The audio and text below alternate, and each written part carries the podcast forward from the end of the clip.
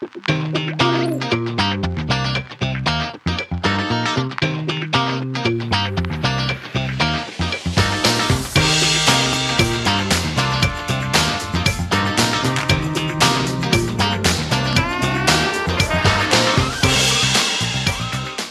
och välkomna till Eftersnack. Det här är programmet där vi gör upp om veckan som gått. Jag heter Kia Svetihin och turar Magnus Lundén som har stuckit någonstans, faktiskt USA tror jag, den här veckan. Men tack och lov har vi no någon stadig som alltid är samma. Jeanette Björkqvist. Ja, jag vet Tur inte. att du är här. Ja, fast ibland är det ju faktiskt Kia så att du har suttit här istället för mig. Att det, du, du lite hoppar och, och ersätter där det behövs. Det tycker jag är Mm. jättebra. Jag är sån som är på alla ställen. Överallt. Överallt i byn. Uh, Joel Backström, filosof. Välkommen. Jag är alltid i samma stol när jag är här så Ja. ja. är det också en trygghetsfaktor. Det är bra. Jag har liksom Jeanette på ena sidan och, och Joel på andra. Eh, vi ska börja med att prata politik. Den här helgen är liksom sådär som karneval för, för eh, politiknördarna. Eh, julafton så jag att någon hade skrivit. Eh, det är så att fyra partier har partikongress och hela tre av dem kommer att välja ordförande. Och kanske det mest uppmärksammade valet kommer att hållas i Imatra, där samlas Samlingspartiet. Och det är så att sittande ordförande Alexander Stubb kommer att utmanas av inrikesminister Petteri Orpo och riksdagsledamot Elina Lepomäki. Jeanette, vem blir eh, Samlingspartiets nya ordförande? Nå, någon tippar på att den här Stubb nu igen skulle överraska med någonting och, och sen i alla fall det var ju sådär riktigt på marginalen att han blev omvald då. Det var ju Jan Vapaavuori förra gången mot honom. Men det där, nu tror jag, jag tycker nog att det ser ut nu som att Petteri Orpo kommer att, att ta hem spelet så att säga. Vad baserar du dina... No, på opinionsmätningar som har gjorts alltså bland det samlingspartistiska folket. Sen vad Finland tycker spelar ju inte så stor roll men det där det är ju partifolket som väljer. Men, men han verkar ju nog ha jättemycket medvind nu den här inrikesminister Orpo. Vad, vad tror Joel? No, jag tror samma men inte, har, inte baserar det i sig heller på något. Inte har jag någon desto mera insikt i det här. Att lösa spekulationer. Men alltså Alexander Stubb satt inte länge. Varför ska man byta ordförande? No, Stubb är väl just så här typisk, eh, jag menar med den där sortens otroligt hög profil så är det ju alltid förstås en fråga att man kan först få enorm medvind och sen liksom kan det plötsligt bli så där för mycket och alla börjar hata en. Så att jag menar en sån där, någonting som först verkar som grymt framåtanda, dynamiskt och så här slår sen över eller sen ser folk exakt samma grej som totalt arrogant plötsligt och jag menar att nu finns det väl en sån Ja och det var ju delat, det. alltså det var ju delat redan i förra valet. Det här partiet tror jag tog lite stryk för att det var alltså så polariserat sen bakom Vapaavuori och, och sen dels alltså då bakom Stubb och sen har han gjort sitt bästa för att på något sätt ena det här partiet men det verkar ju inte gå så jättebra. Sen å andra sidan har ju Stubb, eh, tycker jag, gjort ganska mycket som, som, alltså, som han som, som gäller Samlingspartiet. Den regeringens politik är ju ganska långt samlingspartistisk och ändå är man så missnöjd med honom. Vad, vad grundar sig det där missnöjet på? Det där, jag tänkte när du sa att han har gjort mycket, det har han ju sannerligen gjort tillsammans med sina andra kompisar där i regeringen. Och det där det kan hända att, att det också är en, en orsak till det där eh, partifolkets missnöje. Alltså hur menar du? Eh, de- de har ju det där drivit en politik som kanske nu inte alltid har, har ens i deras egna läger riktigt haft sån stort stöd. Säger man inte att det har varit så samlingspartistiskt? p- ja, alltså Alexander Stubb sa ju själv att det här är det mest samlings, den mest samlingspartistiska politiken som, som det där någonsin har förts i det här landet. Det tycker jag han har helt rätt i. Men det är ju inte bara Samlingspartiet för, förtjänst förstås utan Centern har ju varit mycket benäget och stött äh, den, den liksom, nu är det ju otroligt hög högerpolitik har det ju bedrivits. Men sen, att nu tror jag att det är mer en så här personfråga. Varför Stubb sen ändå inte äh, är helt jag menar det är ju klart att en sån där Jappe väcker ont blod också. Det är liksom helt självklart. Han är ju inte någon slätstruken gosse precis. Och sen sånt att man står och ljuger i riksdagen, det vet jag inte hur stor betydelse. Tyvärr har det antagligen ganska liten betydelse men sånt borde ju, tycker jag, ringa eh, i varningsklockor. Syftar du nu på hans siffror? Ja, På hans dåliga så det har vi debatterat här Det kan ju- förbi att var det nu förut att var det lögn eller inte. Men det, där, det kan man ju alltså också se som att, att om partifolket ser, ser på det med kritik så är det ju alltså det att, att det är sån här imageförlust för, för Samlingspartiet. De har ju jobbat i många, många år på De har ju haft alltså riktigt proffs sådana här reklambyråer bakom sig för att bygga upp den här imagen av, av, av det där Samlingspartiet. Nå, men om vi flyttar oss vidare eh, till SFP i Åbo håller de sin partidag. Där håller nog hela Finland andan nu. Ja, Uh, första, verkligen, sista gången då alltså som Karl Haglund uh, kommer att, att leda uh, och första gången som SFP också är i opposition. Tre kandidater tävlar.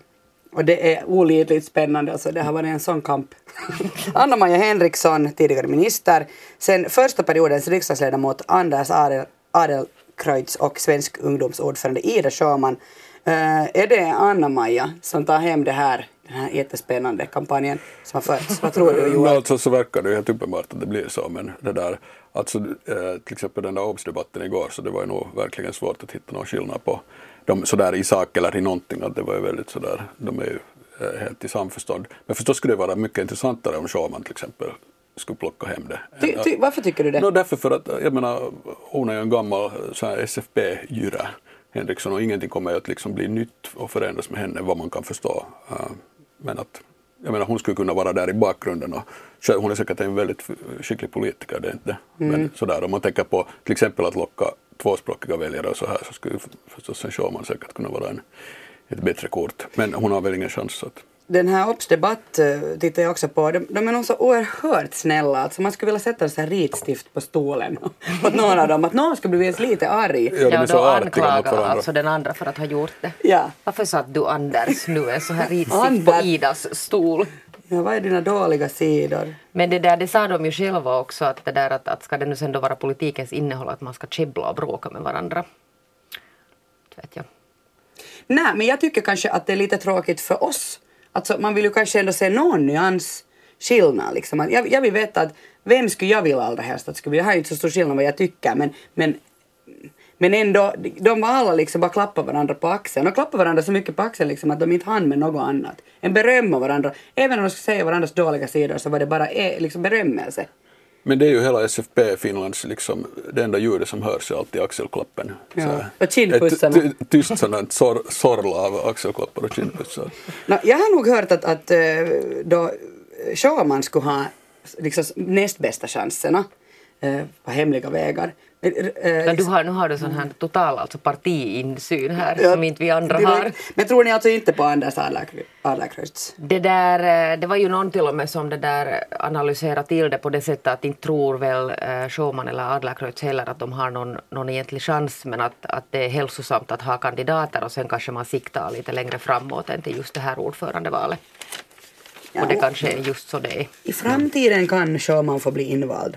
Kanske. No, men vi går vidare. Vänsterförbundet behöver inte välja någon i princip för att eh, uh, Li Andersson har en blivit vald, eller hon formellt utses. Hon kommer att hålla uh, sitt linjetal uh, nu. nu de, de befinner sig i Uleåborg där de då har sin partikongress. Uh, hur tror ni att Li Andersson då fungerar som uh, Vänsterpartiets nya ordförande, Jeanette? No, hon har ju nog visat framfötterna, alltså debatter här under några år och det är säkert därför hon har kommit nu dit. Jag tycker att det är jättefräscht alltså att de, att de väljer nu en, en Li Andersson dit och att Paavo Arhimäki som någon gång var en sån här äh, väldigt sån här ungdomlig och på något sätt sån här halvvild, ganska sån här sån här annorlunda politiker och sen har han nu manglats igenom här och, och blivit ganska sådär slätstruken här så att, att nu får de säkert någon ny fart med, med Li Andersson tror jag.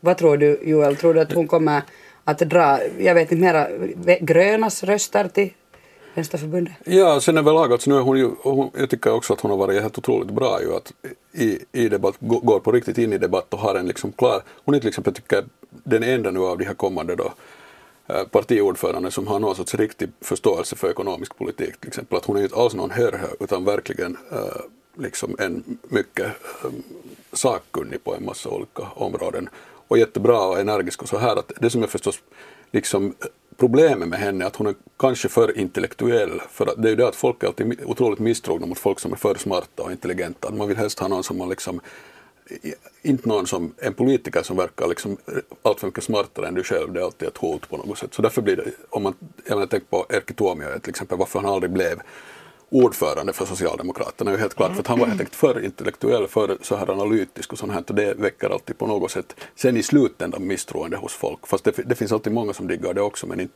inte kanske tillräckligt. Så, och hon är ju, Li Andersson, en otroligt liksom intellektuell person som borde vara en bra sak men... men så att man inte förstår liksom vad hon säger? Nej, utan inte vet jag om det är det att man inte förstår men man känner sig hotad av att någon bara är äh, liksom för analytisk och intellektuellt intresserad av att tänka på saker och så här. Det är inte, inte det är sånt som folk diggar liksom, i, i genomsnitt. Alltså så det kan på riktigt vara ett problem men, hon har, men det vet man ju inte att i vilka skede kommer den sortens vägg emot. Eller, och, eller kanske den aldrig kommer, inte måste ju alltid gå så. Men, men, men att det liksom är ju en belastning och inte alltid något plus att vara intelligent i politiken. Om du är, alltså, folk vill ha smarta människor, människor som fattar liksom tuffa beslut och allt sånt här, får saker gjort. Men inte liksom tänkande människor är ju inte alls något sånt som brukar gå hem i politiken. Statsministerpartiet Centern möts också för kongress. Det kanske det No, efter SFPs ordförandeval så är det ganska tråkigt också där, det händer inte så mycket. Alltså det är ju också jättespännande för att nu ska Matti Vanhanen utses till presidentkandidat. ja, Finlands tråkigaste person genom tiderna. Sådär ungefär. Och, Till sin image, inte vet jag, kanske på riktigt är otroligt fascinerande person. Men... Sipilä ska också hålla ett linjetal och man får höra då om hur projektet och i Finland AB ska fortskrida. Eh, hur står det till med Finland? Jeanette? Mår vi bra idag? Ja, det är ju nog en fråga det där. Alltså jag skulle säga så här att, att så där an, andligt mår vi nog inte särskilt bra nu just i det här landet. Eller egentligen mår säkert ganska många ganska dåligt helt på andligt plan eh, och också på ekonomiskt plan så har nog, ju nog en massa människor tagit stryk i detta land och kommer att ta ännu mera stryk när, när de här politiska besluten som har tagits det där implementeras. Så det där, men jag tror att Sipilä, han, han verkar ju nog sådär ganska nöjd med, med det vad han har uh, åstadkommit och ska åstadkomma. Jag tänker, de får ju snart på semester alla, alla de här politikerna. Sjunker då äh, vårt bolag Finland? Liksom, vad händer? Men problem, problemet är just att Finland inte är något jäkla bolag. Det är ju det som är hela grunddumheten, liksom bemböletänkande i hur Sipilä tänker och egentligen alla politiker ledande politiker, igen ut med undantag för Li Andersson till exempel, hon har en viss förståelse för varför man inte kan tänka på ett land som ett som bolag. Ett bolag. Mm. Därför för att man kan, inte, liksom, man kan inte på det sättet spara. Man kan, det är inte så att om staten äh, ger foten åt en massa universitetsfolk så har vi bara sparat in pengar. Utan de som får foten så blir de tvärtom en utgiftspost för samma stat som måste betala sen, jag menar, i form av sociala kostnader, arbetslöshetsskydd och sånt här. Och att det är inte folk som är på don. Så det går inte liksom alls att till exempel på grund av det där att tänka på landet som ett bolag. Eh, och överlag så är ju hela, det tycker jag att det är nog den där grundproblemet i den ekonomiska politik som förs här och i hela västvärlden nu. Att man tänker hela tiden, den officiella storyn är ju alltså att äh, lönerna är för höga, den offentliga sektorn är för stor, att vi har inte råd med det här mera så vi måste köra ner och lönerna måste sänkas. Det är det vad vår regering också uttryckligen håller på med. Och jag tror att det är helt fel. Det, just tvärtom egentligen, att lönerna är för låga och den offentliga sektorn är för liten. Alltså för att ända sedan 70-talet hade i alla västländer, det, det stora liksom som har hänt, eller en jätteviktig sak är att eh, vinsternas andel av liksom, eh, den totala ekonomiska kakan i jämförelse med lönerna har hela tiden ökat. Så det finns mer och mer lösa pengar. Och tanken var förstås när man började med den här politiken, som Socialdemokraterna började, inte borgarna, Eh, var att då får vi mera pengar att investera. Men det är ju det att, att vem ska investera pengar när det inte finns efterfrågan, när folk inte får tillräckligt höga löner för att kunna köpa något, det finns en massa arbetslöshet. Så det finns ingen orsak att investera i riktigt produktiv ekonomisk verksamhet. Så det är en massa lösa pengar som finns hur mycket som helst och som bara går till spekulation i fastigheter och i värdepapper och så här. Det är problemet. Lönerna är redan för låga och vad gör man? Man sänker dem ännu mer och alla gör samma politik. Så vi ska alla exportera och klara oss på export men det finns ingen marknad att exportera till för överallt gör man samma grej. Att det finns ingen efterfrågan på saker. Så därför är det helt, det är helt enkelt helt galet det man håller på med. Och kör, det kör oss hela västvärlden och hela världen käpprätt ner i helvete. Alltså helt, det tycker jag att det helt enkelt och det borde inte vara hemskt svårt att se, men det är, helt, det är ju tabu liksom den här, det här sättet alltså att se på det. Kom Joels analys av dagens Finland. Eh, Yle Nyheter rapporterar och analyserar i politikens superlördag imorgon. Så ni kan stanna kvar på den här kanalen fast hela natten och ända tills imorgon klockan 13.03 så börjar de. Och det är Radio Vega på arenan och på Yle 5. Men nu äh, värre saker faktiskt än politik. Äh, på Silja Symphony så har man mått riktigt illa. Alltså hoho vad man har mått illa. Eh, det har varit norovirus, eh, jag vet inte hur många veckor det har liksom florerat, de här bakterierna har sprungit omkring där på däck. Och man har städat och städat, man hade 200 utomstående och städade det där skeppet plus att man hade alltså besättning 200 och fortfarande så bara insjuknar deras Ja, och jag gäster. tycker att av alla de här, de här vidunderliga sakerna som, har, som man har liksom gjort där är ju att de har putsat alltså bollhavets bollar en för en. Kanske Eh, nu inte en för en ändå. Ja, de har putsat alltså, de, de har dessat alltså alla Ja. bollar, fattar liksom det jobbet. Sen har de alltså då gått igenom de här leksakerna. Eh, Jag såg igår bilder på hur de drog in alltså dockor och alla leksaker som kan tvättas alltså heta temperaturer i såna här diskmaskiner, vet, så här disklådor fulla med, med och, och det som inte kunde tvättas och det brändes upp. Ja, tänk att de fördes för in. det, ja, att man måste liksom Att det försöka där- eliminera och ändå hjälper det. Nej, och det har alltså här tidigare, alltså de har ju länge hållit på och försökt få bort det här, men det här också att de har stått och putsat alltså varje flaska i taxfree. Alltså varenda sten sak i taxfree och fortfarande alltså blir man inte av med det här att det är ju nog vad man nu sen ska liksom säga att det visar, det visar ju att den här norovirus är en extremt besvärlig sjuka. Skulle du- skulle du åka? annat. Nej, absolut inte just Alltså nu. fast nej. du skulle ha biljetter och allt Nej, och det, betala. var, och det är en massa andra som har tänkt som jag för de har ju fått alltså rekordmycket så här, eh, vad heter det, Eh, folk som har Avbokningar. avbokningar. Folk som har alltså inhiberat sina resor för att de inte vill åka med på det där. Alltså det kan man ju förstå den här epidemibåten, alltså liksom walking dead på Bra, en bra båt. inledning på semestern. Ja, kom, kom hit och spy med oss. Men, men alltså om du ändå befinner dig på båten, att du, har liksom, du är den där.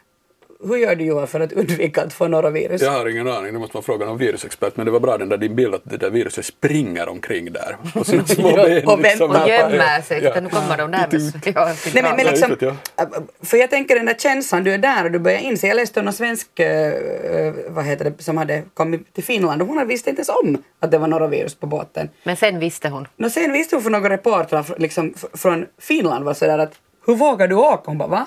Men inte har någon sagt till mig. Alltså i Sverige hade de inte väl på riktigt samma sätt ut om den här nyheten. Men, men jag menar om du är där, eh, jag vet inte, tvättar man bara sina händer jättenoga och hjälper det? Ja, inte vet jag. Frå, fråga någon som vet. Men menar, hur, hur liksom, ehm, den här epidemin, jag menar, man tänker så här, kommer den någonsin att försvinna då? Jag menar, de har, de har får putsa de där bollarna i Ja, bollarna med liksom en för en med Ja, nu måste vi komma ihåg att det är ju inte så där att den är liksom isolerad nu sen till de här fartygen utan sen kommer ju folk bort därifrån med alltså. Ja, Just ja. det, här- ingen borde släppas av båten liksom. För, Ja. Tänk nu. Men, Men ja. det där det är nog jättehemskt alltså. Men sen tänker jag då att, att det där sådär, jag alltså sån här mardröm som jag alltid har tänkt på att äh, det skulle vara att, att man får alltså något sånt här då i flyget. Förstår ni, liksom på en väldigt begränsad plats. Mm. Att, att det här är ju ändå en båt, där finns ju toaletter att spy och, och, och hålla på på. Kanske så att det räcker nästan åt alla. Jag har just varit utomlands eh, på Malta och, och jag var där sju dagar och, den, den sjätte dagen så, så blev eh, det lilla barnet i, i familjen jag var och hälsade på så fick någon form av magvirus. Och jag hade en, en liten pojke på just ett, under, lite under ett år gammal och jag var, ju fa- jag var faktiskt fast där. Jag, jag tänkte liksom, mina tankar går till Silja Symphonies liksom, besättning också, de som jobbar där och alla som åker med den. För att, vad gör du? Jag, men, jag kunde ju inte bara så här, checka in på ett hotell för att jag vågar inte vara här med er nu. Eh, och, och jag tänkte hela tiden att, att fine, okej, att om nu den här, min pojke får, får det här viruset så fine, men tänk om jag får det? Då kan jag ju inte flyga hem. Och man kan ju inte stå och flyga där liksom vid check, eh, stå och spy vid check-in. Och du kan inte ta hand om ditt lilla barn Nej, heller, och de släpper du ju inte ombord än. Nej. Men, men jag blev inte sjuk och det är inte jag som har hämtat viruset från Well, Malta. well. Ja, du var inte på Silja då på vägen. Nej, va? Nej men alltså på riktigt föreställ er att det här skulle alltså drabba, drabba liksom någon sån här långflygning. Och folk alltså i flygplanet skulle börja sådär, jag vet inte hur snabbt de bryter ut men jag menar på något sätt sådär att, att det skulle liksom smitta i. Det måste ju ha gjorts sådana B-filmer om det här temat. Det låter just sånt här typiskt. Snakes Jag on a hoppas verkligen. Att man Typ. spyr. Alltså jag hoppas verkligen att ingen gör den filmen. Nu har du sått frö åtminstone. Tack för det. Det, där, det som hände i början av veckan, kanske det var på söndagen, jag hade, skrev Hesari om ett ganska uppmärksammat fall där en irakisk mamma och hennes treåriga dotter då hotades med att avvisas till, till Irak medan hennes man och deras jag minns inte hur gammal när bebisen var, några månader, tre månader gammal kanske, alltså riktigt, riktigt liten. No, det blev hemsk eh, storm på, speciellt på tycker jag, SOME, alltså på sociala medier och en massa, helt enkelt ett ganska stort medieuppbåd kring det här, och vilket ledde till att eh, Migrationsverket och Högsta förvaltningsdomstolen nu har lagt det här utvisningsbeslutet på is.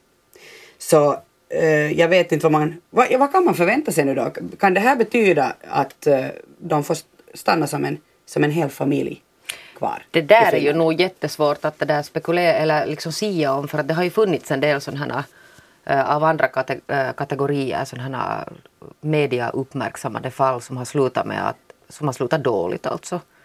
För att det finns ju också en sån här viss irritation hos myndigheterna att, att, att de som hamnar i medierna så vill man visa att man på något sätt har så stor pondus att man inte behöver böja sig för. Och, och, och det som väl är liksom helt, helt klart är att, att de har ju följt rådande lag. Inte har de alltså gjort något. De har följt lagen och de har tolkat den, de har valt att tolka den mm på det strängaste sätt man kan göra. Men att, det där, att inte det är ju till exempel Migrationsverket som har, som har gjort lagarna. Det är det ju inte utan det är ju några helt andra människor. Så man ska samma, skylla på politikerna? Ja, samma människor som till exempel står där och är väldigt förvånade att Åh, det här var ju alltså chockerande, att hur kunde det gå så här? Uh, en som eventuellt blir vald till ordförande för Samlingspartiet för att nu nämna någon, inrikesministern. Och det är ju ingalunda så att, att den här regeringen nu är, är de som har alltså dragit upp dem, men de alltså däremot har valt att skärpa de här lagarna ytterligare. Men, men den där utlänningslagen är väl från 2010 den ja, det här exakt. beslutet baserar sig på? Ja, men alltså när det gäller just de här familjeåterföreningarna så, så de, är ju, alltså, de har ju varit i åratal väldigt, väldigt stränga, alltså i praktiskt taget alltså ren omöjliga och de skärps ju nu ytterligare under denna regering. Men Sam det där, jag tycker inte att politiker ska stå och vara så där hemskt förvånade nu utan det är ju liksom nog bara ett spel mm. för kulisserna. Lite dubbelspel. Mm. Samtidigt så stänger man en massa eh, mottagningscentraler i Finland och bland annat eh, här helt bredvid i Böle eh, i Bruna Kärr så stänger man Röda Korsets eh, mottagningscentral. Och eh, det är ju inte som att nu tog flyktingarna slut, att nu, nu slutar de komma. Nej, och listan på alltså enheter som ska stängas den är ju lång. Alltså det kom i februari kom det någonting och sen kom det i mars och så kom det nu igen i slutet av maj alltså. Så man skär ju alltså tusentals platser mm. bort. Jag tror att det blir kvar alltså ungefär 15 000 platser efter att, att man är klar med det här någon gång i slutet av november. Men, men, men vi har ju liksom uh, no, EU har, har då stängt gränserna för flyktingarna. Uh, men varför kan vi inte bara liksom flyga flyktingarna direkt till Finland från Syrien? Och så prövar vi saken här. Ja, det har ju funnits sådana förslag och förstås skulle det ju vara, då är ju frågan att man måste, man, inte kan man ju börja flyga en massa folk före man prövar sakerna. Det skulle väl, väl vara bättre att ha någon sorts prövning där men sen att folk ska få komma hit, inte den farliga vägen utan Ja men om man tar Syrien. Ja men och Syrien har ju, alltså, ja, det har ju gjorts en del, och det har ju gjorts alltså en, sån här, en del sådana här undantagsregler för just Syrien. Alltså den här stora problemet är ju kanske till exempel iraker och afghaner Eh, och delvis också alltså sådana som, som kommer från Somalia för det är ju de som hamnar alltså riktigt i kläm sen. Särskilt som man nu då i Finland vet att, att det är trygga länder att, att återvända till. Eh, så dit kan man ju då sådär skicka tillbaka mm. människor fast det ja. dör människor Det är liksom på något sätt tycker jag så paradoxalt att man å ena sidan är ju hela äh, flyktinglagstiftningen förstås byggd på att man inte ska, att du måste fatta beslut i varje enskilt fall, att du kan inte på något allmänt sätt säga att något land är säkert och ändå finns det ju helt klart då listor på liksom länder som betraktas som säkra så att, att vad är det där individuella prövande sen, jag vet inte. Um, men ännu med den där familjeåterföreningen så där är ju Alltså det är ju på något sätt, något, det, det gäller ju förstås inte äh, ju gamla, att om du redan har en familj och en får, äh, eh, eh, får uppehållstillstånd så då, då får man ju återförenas utan den här ekonomiska gränsen på 2600 euro. Det gäller ju familjer som har bildats sen efter, efter att den, den här personen har fått uppehållstillstånd. Eller så har jag förstått saken åtminstone. Ähm, att, det, alltså att om du redan har en familj och får uppehållstillstånd och familjen är kvar i landet du kommer ifrån så då får man återförenas utan att det finns den här på kravet på hurdan, försörjningsförmåga. Ja, och det beror alltså på hurdant tillstånd man ja, får. Ja, ja förstås. Ja. Uh, men, att, men att nu är det på något sätt är det ju helt sjukt nog att, att man ändå man får bo i ett land men man får inte sen liksom gifta sig med vem man vill. Att nu är det på något sätt... Eller skaffa barn under den tiden. Barn, man, ja. Ja, ja, det, det blir ju lite sådär underligt hur, hur då staten bestämmer ganska privata saker. Ja, ja, man måste komma ihåg alltså att det här är ju inte något unikt fall. Alltså det händer ju sådana alla bara kommer inte upp i ja. offentligheten. Att det händer ju de här mm. hela tiden och det kommer att hända ännu fler och det blir ännu värre. Men snart kanske det inte händer någonting för att ingen människa kommer att kunna få sin familj hit för att det är svårt redan nu. Och det kommer att vara fullständigt alltså omöjligt Alltså alla dessa äh, mammor och barn och kvinnor som, som en del sådana som var så arga då i höstas mot de här ensamma männen som kom. Äh, så de skulle nog kunna gråta över de här kvinnorna och barnen som sitter fast någonstans och aldrig kommer att kunna få komma hit. Att Ja, vara den ja. oron alltså nu. Just det, nu skulle man kunna lösa det här problemet med alla de här ensamma männen. De Eller inte hur? vara ensamma. Eller hur? Men det vill man inte. Att det var ju också en lite konstig oro för att den försvann sen när plötsligt kvinnorna och barnen kanske skulle också vara på väg hit. Hej, eh, det blir alldeles strax nyheter när klockan slår halv fyra. Klockan tio ikväll inleds EM i fotboll och jag har luskat fram den officiella EM-låten. Eh, David Guetta featuring Sara Larsson. Vi ska lyssna på den nu.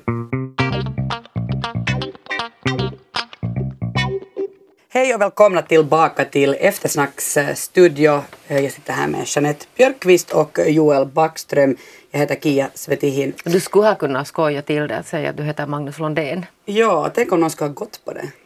Det. Jag vet inte för vem det skulle vara värre, Magnus. mig eller Magnus. Magnus, du har en vacker fläta och fina purtuörhängen. Hur vet vi att det här är inte Magnus som låtsas vara Kia? kan vi inte veta. Face off, face on.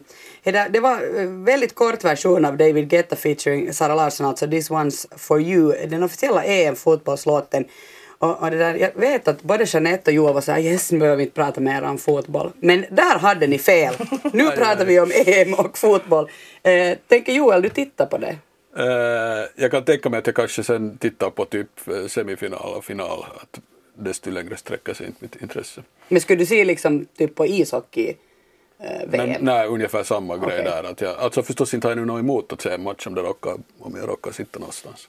Och sådär, men inte orkar jag följa med det på det sättet. Nej, och jag måste säga alltså att, att du har lite fel för att jag alltså i princip tycker jag jättemycket om fotboll men just det där att sitta alltså och följa med nu så där rigoröst följa med hela den här fotbollsen så det tror jag inte att jag kommer. Det finns vissa länder som man tycker att är så där mer intressanta än andra. Som vilka? Nå, som till exempel England.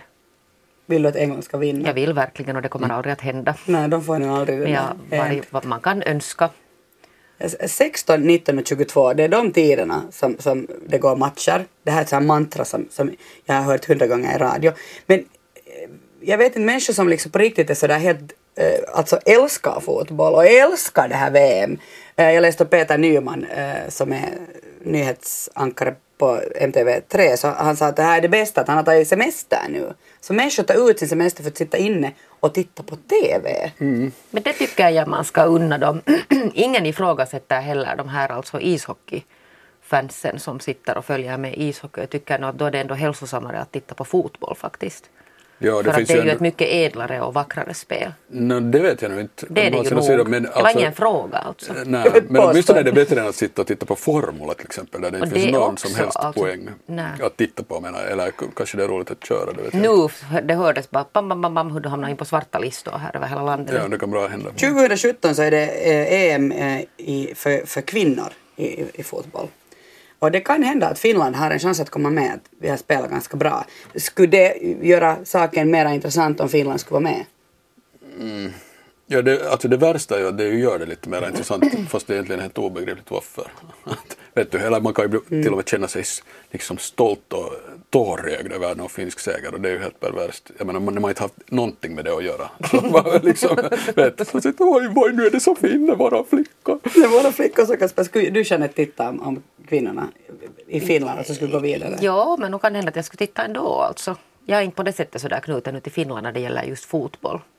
Men vi har ju ett jättebra damlag, det ska vi komma ihåg. Och de har klarat sig bättre än, än herrarna länge, Alltid. Typ. Typ. Eh, men okej, vi slutar prata EM. Eh, idag alltså inleds det klockan 22 Yle sänder alla matcher. Det är Frankrike, alltså värdlandet, som spelar mot Rumänien ikväll. Alltså har du fått någon sån här att du måste puffa sån här YLE-program här? Du puffar liksom Jag YLEs sån älskar YLE. och... Yle är mitt moderskepp, det är klart jag. Ja, det var ju det ja. Men alltså överlag så tycker jag ju att det är bra att man får se på de här matcherna. Jag är ju nog faktiskt alltså inte så inbiten men jag har tänkt titta på de där senare matcherna. Jag skulle nog aldrig titta klockan Men har du fyra. några länder som du följer sådär specifikt? Jo, Spanien. Spanien Ah. och Zlatan men inte Sverige. Åh, Zlatan!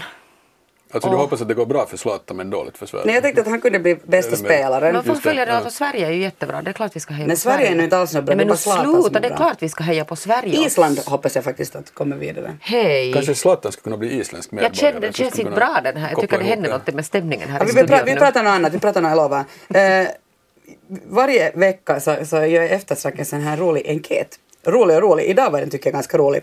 Eh, den handlar om att finländare gillar gemensamma måltider men inte så ofta äter tillsammans ändå. Eh, det har kommit en, en undersökning om det här i början av veckan och det visar sig liksom att, att det är nog hemskt många som skulle så gärna vilja äta tillsammans. Men det slutar alltid med att man äter ensam.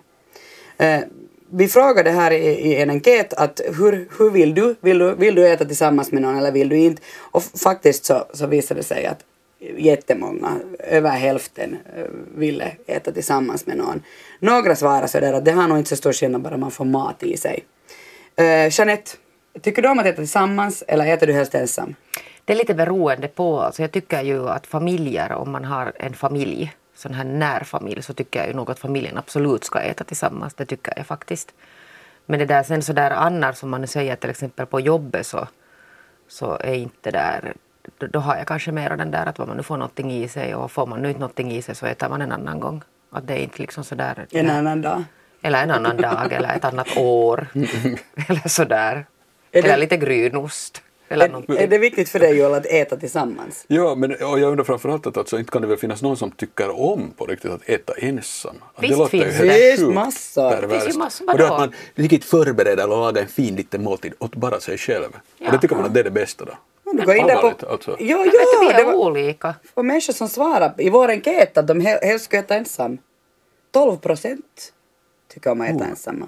Helt, alltså okej, okay, om man nu hatar sin familj till exempel så kanske man äntligen får man vara i fred. Men det är eller- lite, nej, men jag tror att det har blivit lite oklart det här. Alltså, för- eller jag vet inte hur de har gjort den här utredningen. Men handlar det alltså just om det här att, att äta hemma och hurdan alltså konstellation bor man i? Att bor man nu till exempel då ensam eller, eller bor man med någon familj och har man barn eller har man inte barn? Och bor man i något kompiskollektiv? Att Det vet jag inte hur mycket man utreder Ja, där och liksom i såna Men, Och men, om man söker en restaurang som är helt tom, att man är den enda gästen liksom då, för att man ska få äta ensam, är det så? men det Men nu fin- kan det ju finnas sådana som liksom sa till det liksom, vet du, bara går i fattar. vet du, lugn och ro vet du, och sätter sig på någon restaurang och tittar omkring sig. Det är ju också, att varför skulle det inte kunna, det är ju helt okej det också.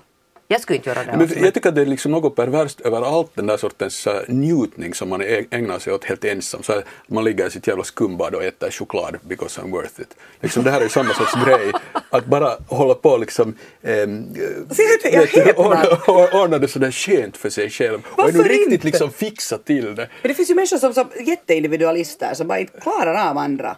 Jag vill inte äta med Men någon behöver annan. man ju ens vara en individualist för att, för att någon gång alltså trivas med att gå i Magnus till exempel, som nu är där inte vet jag, kanske han nu äter med sin son som han reser med, men Ja. han brukar ju tycka om att gå och äta själv. Ja, ja, själv just det, som Ja. det heter nu för tiden. Men, men, men jag menar, eh, det, det finns ju människor som behöver den där egna tiden. Alltså det kan jag ju förstå förstås om man aldrig får vara överhuvudtaget ensam. Det är ju också helt hemskt. Att, inte det är ju det förstås att jag inte skulle förstå att man någon gång vill vara ensam. Men man, om man sådär överlag tänker att det är det bästa man kan föreställa sig. Att sitta där med den där fina måltiden och helt ensam. Så då tycker jag det är Alltså, jag kan tycka det är ganska skönt att äta ensam om jag vill läsa tidningen. Till exempel morgonmål så blir jag ibland lite störd om någon hela tiden ska prata när jag vill läsa tidningen. Eh, men annars är jag nog eh, super sådär social. Att, att jag bor eh, i Berghäll och, och det är ett ställe i Helsingfors och, och alla mina kompisar bor nära och vi har var och varannan kväll så har vi middagar tillsammans. Att jätte sådär international. det var jätte sådär liksom att man ska träffas och, och så är det alltid att den som ordnar så lagar maten och alla andra hämtar då liksom vad man vill dricka. Uh, givetvis mycket vatten blir det. Men, men, det där, men liksom det, jag tycker det är jätteroligt. Eh, om du inte har en familj till exempel och, och är jättesocial så har du ju en gemenskap liksom, med dina vänner. Ja, ja, och det är det här som är, liksom, tycker jag, det viktiga i hela i den nordiska modellen överlag är ju just det här att det inte finns, och det är inte meningen att det ska finnas så här tvångsgemenskaper som traditionella samhällen alla går ut på att du måste vara med den där förbannade släkten och familjen hela tiden och du får inte vara med någon annan. Och det är ju helt horribelt. Så, och den nordiska idén är ju mera då att man ska vara, att man ska inte måste vara med någon men man ska få vara med alla liksom, om man vill och om de vill. Och så här, ha liksom på det sättet möjligast frivilliga gemenskaper och till och med våra familjer är ju liksom ganska frivilliga, att vi barn är ganska oberoende av sina föräldrar och tvärtom så här och det är ju det som hela vår lagstiftning och välfärdsstaten går ut på, att göra det möjligt för folk att vara oberoende av varandra. Och det tycker jag är jättebra gjort och så inte det det. Förstås, inte tycker jag att man alltid ska vara tillsammans med folk och verkligen inte måste vara, men ändå fattar jag inte att varför skulle man vilja sitta där, att, vara, att äta just att vara tillsammans med folk kring den där maten och inte liksom bara, eller, eller så tar man det, så kan man pressa i sig bara när man inte hinner liksom med något annat, Ja, och tanka, det det är att- helt möjligt, men att sitta där och njuta jo, för sig själv, det är perverst. inte, nej, men äta är nu inte bara liksom det här att man ska vara tillsammans utan äta att man måste ju äta för att, för att man måste äta för att annars dör man och svälter ihjäl. Men att det där inte behöver man nu ha sådär jätte liksom festlig inställning till, till all mat och alla måltider. Nej, nej, men det var ju alltså det som jag eh, vänder mig, eller o- inte vänder mig emot, utan undrar att vad är det egentligen man vill om man liksom ordnar det just så här festligt men bara för sig. Vet du? Men tänk om man vill fira sig själv. Ja, det är ju helt sjukt. Att fira sig själv. Jeanette, tycker jag var lite elakt sagt. Tänk nu på alla. ah. Ja. Ät ensamma, Nu- nu ät själva ni som tycker att det är bra. ja, lyssna inte på Joel. Nä. Nu går vi vidare. Jeanette Björkqvist, vad har du tänkt på här si du vet du, jag fick av en gammal klasskompis som nu för tiden bor i Jakobstad mig tillskickad en insändare från äh, Dagens Nyheter som var så intressant att jag tänkte att det här måste ju nog hela svensk Finland och Finland få höra om. För att det är tydligen så att den här pedagogiken i Sverige är igen lite så här på väg mycket mer framåt än vad vi någonsin kan förstå här i, i detta land. Eh, och det här alltså den som har skrivit det här är en förälder som också har jobbat alltså inom skolväsendet, inte som lärare men som sån här, sån här liksom, eh, vad heter det, sån här assistent alltså på olika former av, hon är också mamma. Och, och hon kan nu rapportera om de här senaste eh, framstegen i Sverige. För det är nämligen så att där i Sverige så, så verkar det vara på, på intågande en sån här pedagogik där man har förstått att barnen kan bli hämmade om man håller på att rätta deras språk för mycket. Så den här pedagogiken som då tydligen alltså har, har anlänt i alla fall till en del svenska skolor går ut på att man inte helt enkelt rättar stavfel eller något sådant här fel som, som barn gör för att då förstör man barnens berättarglädje. Eh, och, och resultatet har alltså varit det att hennes eh, eget barn som går i tredje klassen så kommer hem med sådana här skriverier och uppsatser från skolan som är alltså proppfulla med massa underliga alltså fel. Eh, som jag alltså inte rättade för att läraren helt enkelt tycker att man, man kan inte hålla på så här att, att det kränker på något sätt Ja. barnets. Och, och, och det tycker nu den här Ingrid Alriksson som hon skrivit, hon tycker att det är lite fel. Hon tycker ju nog att det skulle vara viktigt att man på något sätt lär sig att alla lär sig skriva något sånär lika och att om barn gör fel så kanske man ska det där rätta dem för att, för att det på något sätt är förstås viktigt att ha en berättarglädje men man måste ju kunna skriva så att någon förstår vad det är man berättar också. Men, brukar du rätta människor som pratar? Eller ditt Inte, inte alltså prata, men herregud, alltså absolut ska ju skolor alltså korrigera barns, barns språk, alltså utan vidare. Men om man tänker bara på den här muntliga, liksom, att, att man, får inte, man får inte hämma deras berättarglädje. Man Nej, det här tar- handlar alltså om skrift. Ja, det är bara alltså skrift. uttryckligen skrift. Det är ju alltså att helt man, sjukt. att Är man det här sant alltså? Men alltså, Jo, jo. ja, jag trodde det var sådär muntligt. Nej, nej, nej, inte alls. Alltså, utan det är skrift, alltså uppsatser vet ni ska inte korrigeras utan man ska ta till sig på något sätt. Alltså det är bara för här- att det- modersmålsmålslärarna orkar inte ge sitt jobb. Bara jag tycker korrigera Nej, nej, Nej, alltså, alltså, jag är helt övertygad om att Sverige, Ja. alltså, jag, jag, jag, alltså, jag riktigt ser framför mig hur just det här alltså kommer in i, i sån här svensk pedagogik Och, för att och det kommer från USA från början förstås, den här, hela den här helt perversa idén att det är, alltid, det är kränkande att alls bli utmanad på minsta sätt. Att jag, om jag inte vill se något eller höra någonting eller lära mig någonting så då ska, då ska inte jag måste. Ja, men om jag och, om något här som kan vara talet- obehagligt det ska man inte få heller Ja, om jag räknar den här matematiska Ja. talet på mitt sätt så kan Ja. inte någon komma och säga att det var fel för att det var på mitt sätt. Ja, och var är vi sen alltså om 20 år? Men det här är ju helt på allvar, det här är för, håller ju på att förstöra universitetsvärlden i USA till exempel. Helt, att det är just alla, alla, det, hela den här triggervarning-idén till exempel, att man ska bli förvarnad om det kan finnas något i en viss bok som eh, kan på något sätt vara kränkande eller svårt att ta. Och vuxna människor ska behandlas på det där sättet, folk som borde lära sig att tänka kritiskt och kunna just precis lära sig att utmana varandra och sig själva, ska skyddas med alla, sättas in i någon sån bomullsförpackning. Det är, helt, det är så totalt korkat och sjukt. Alltså, och, ja, äh, alltså, sen är det förstås en helt annan sak att man alltid blandar ihop sånt som en helt insikt med sånt som är totalt förvirrat. Att det är ju sant att klart att du kan rätta folk till exempel på ett sånt sätt att du verkligen, om du vill att du sätter bara barnet på plats och vill visa att du, kan, du kommer aldrig att bli någonting. Nej, och jag det tycker är ju alltså, förstås inte bra. Ja, och jag tycker men alltså är ju uttryckligen det någon här att, att, och därför brukar jag, alltså när du frågar om jag rättar folk som pratar, Så det gör jag ju alltså aldrig. Jag tycker det, det, det, tycker jag inte att man behöver göra för det blir ju just sånt här att då börjar man ju hemma, alltså någons berättelse. Man har, men nu sa du, hörde sådär, det heter inte sådär, det heter så här. Kanske någon gång jag är det själv, men inte sådär systematiskt utan där får det ju slinka.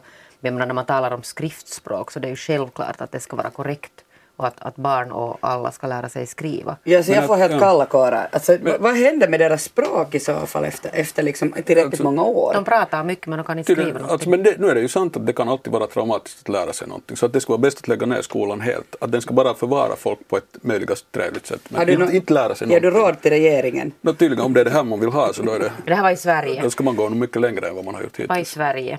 Joel Backström, vad har du tänkt på den här veckan? Eh, jag har faktiskt tänkt på Peru där jag var eh, för två år sedan på besök nu, på grund av att de har sitt presidentval som väl nu inte ännu vad jag förstår ännu är helt avgjort. Det, förhoppningsvis blir det så som det ser ut, det är helt så här 50-50 situation eh, att Fujimoris, deras tidigare totalt korrupta diktatorpresident, hans dotter inte blir vald till president. Men för, alltså Peru är ett underbart ställe, otroligt vackert ställe och jag tänker mest när jag tänker på det på de trevliga människor jag träffar där men det är ju också ett helt horribelt ställe på många sätt. Och hela, hela till exempel, där var ju då, alltså Fujimoris tid då på 90-talet, han sitter nu i fängelse dömd för brott mot mänskligheten. Eh, och nu är hans dotter, ändå, alltså på grund av att det, det var en total maffiastat som han eh, presiderade över eh, med dödspatruller, försvinnanden, eh, miljard belopp som förskingrades, total korruption.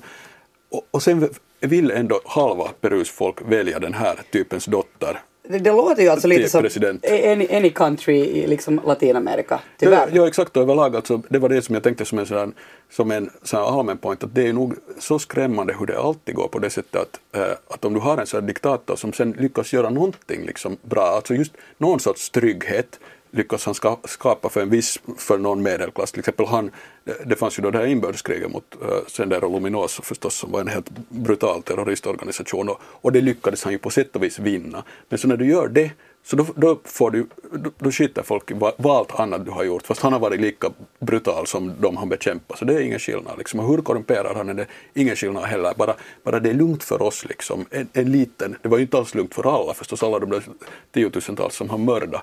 Så det var inte lugnt för dem men det skiter medelklassen i liksom.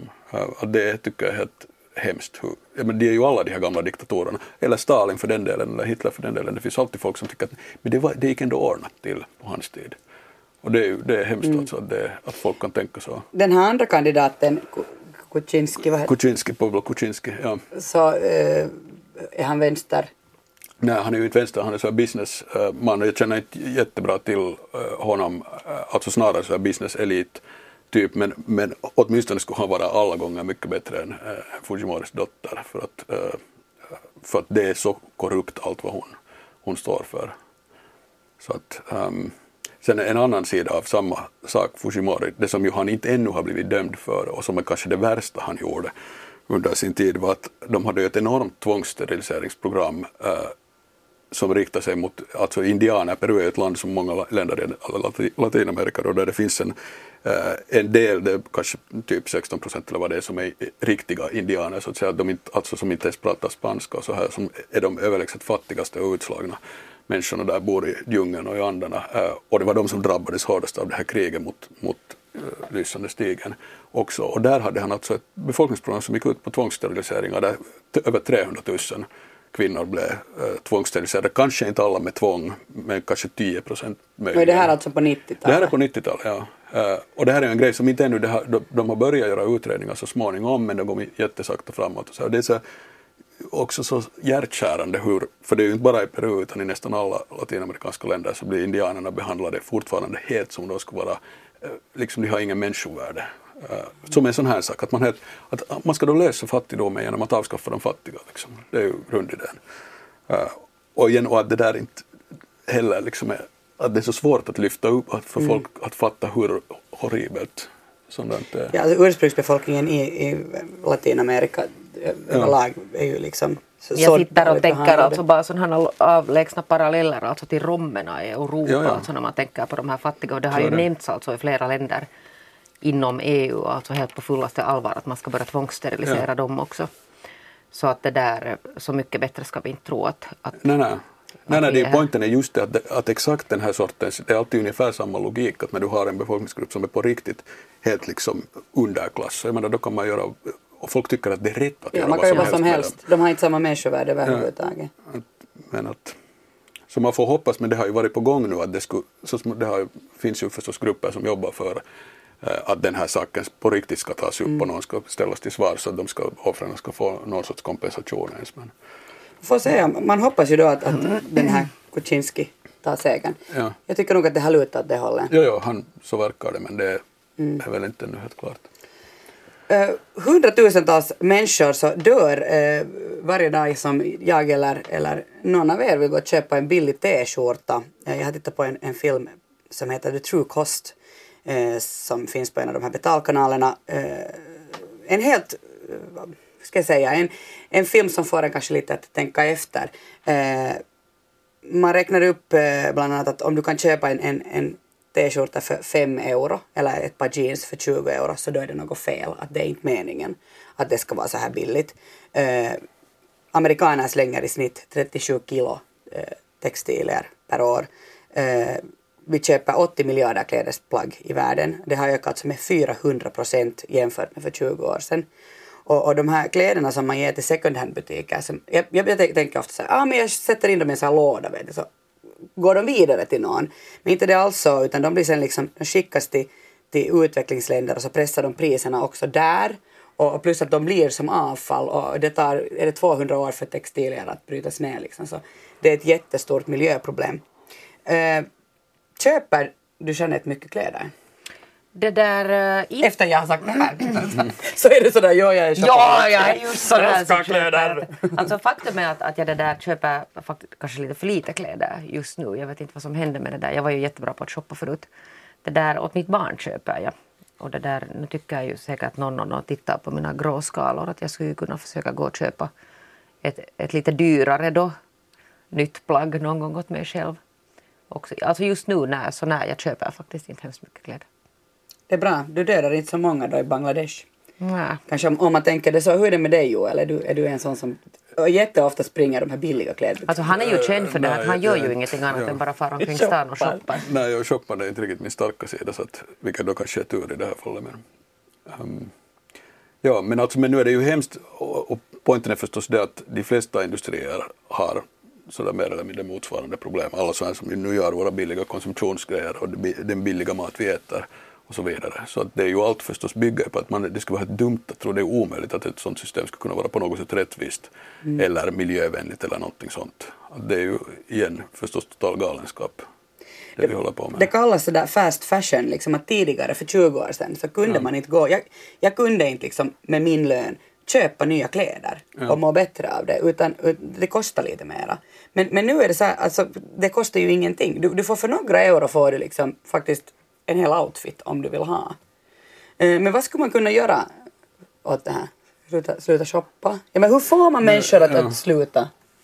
No, inte vet jag, alltså, grundproblemet är förstås att det, om, att det i länder som Bangladesh borde ju de där arbetarna förstås, A, det borde finnas en ordentlig fungerande demokrati där och arbetarna borde vara organiserade i fack. Att före det händer så kommer ju ingenting på riktigt att förändras. Så det är ju dumt att tro att några stora kedjor här genom något lite mera etiska val så att säga ska kunna på riktigt heller eh, förändra det.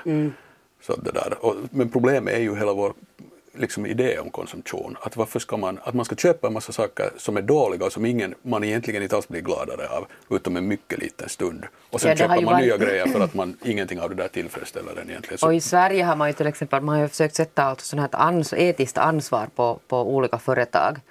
Där de alltså, man tänker då att, att till exempel H&M som har varit ganska mycket i rubriken, att de borde ta det här etiska ansvaret för uh, klädproduktionen eh, i vilka länder man nu sen alltså producerar i. Och det är ju liksom ett sätt att man på något sätt uh, ålägger de här, eh, de här västerländska bolagen i den mån man kan att ta ett. Och jag menar, det pågår ju hela tiden den här diskussionen och sen hur det förverkligas så det är ju en helt annan sak.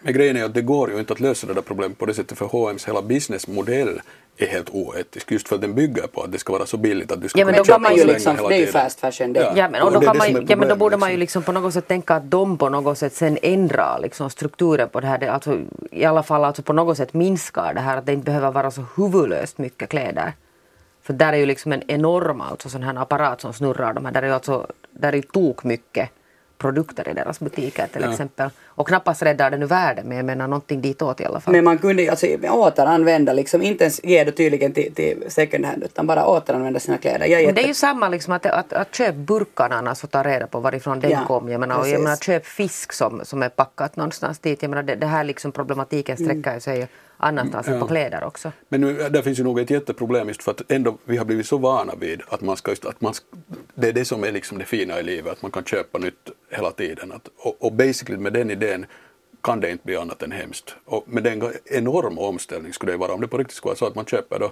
ett par byxor i året. Jag menar tänk liksom vilken... eh, Ja, men alla ska stor- göra det. Ja. Alla, alla, alla vi som har pengar att göra det. Inte, inte kanske de som tillverkar de här kläderna. Hej, nästa vecka eh, bandar... Eh, Inte bandar, nej, vi sänder. sänder vi live. Eh, eftersnacket live eh, och, och det där, ni gör det från Bromarv. Från Bromarv och det där senaste beskedet är nu att, att vi kommer att sända alltså i två timmar mellan 14 och 16 från Villa Vera. Och det här ska bli jättespännande och jag hoppas verkligen att huset är fullt sen när vi kommer. 14 till 16 och det betyder alltså att publiken gärna ska komma i god tid dit så att vi får alla organiserade innan vi sätter igång. Tack Jeanette eh, och tack Joel. Eftersnack är slut för idag. Men vi ska ju nu lyssna på Uriah Heep och eh, låten Lady in Black, det är min favoritlåt. Och han uppträder idag i Helsingfors och imorgon i Uleåborg. Så det är nog bara att fara och kika om man tycker om. Tack för idag.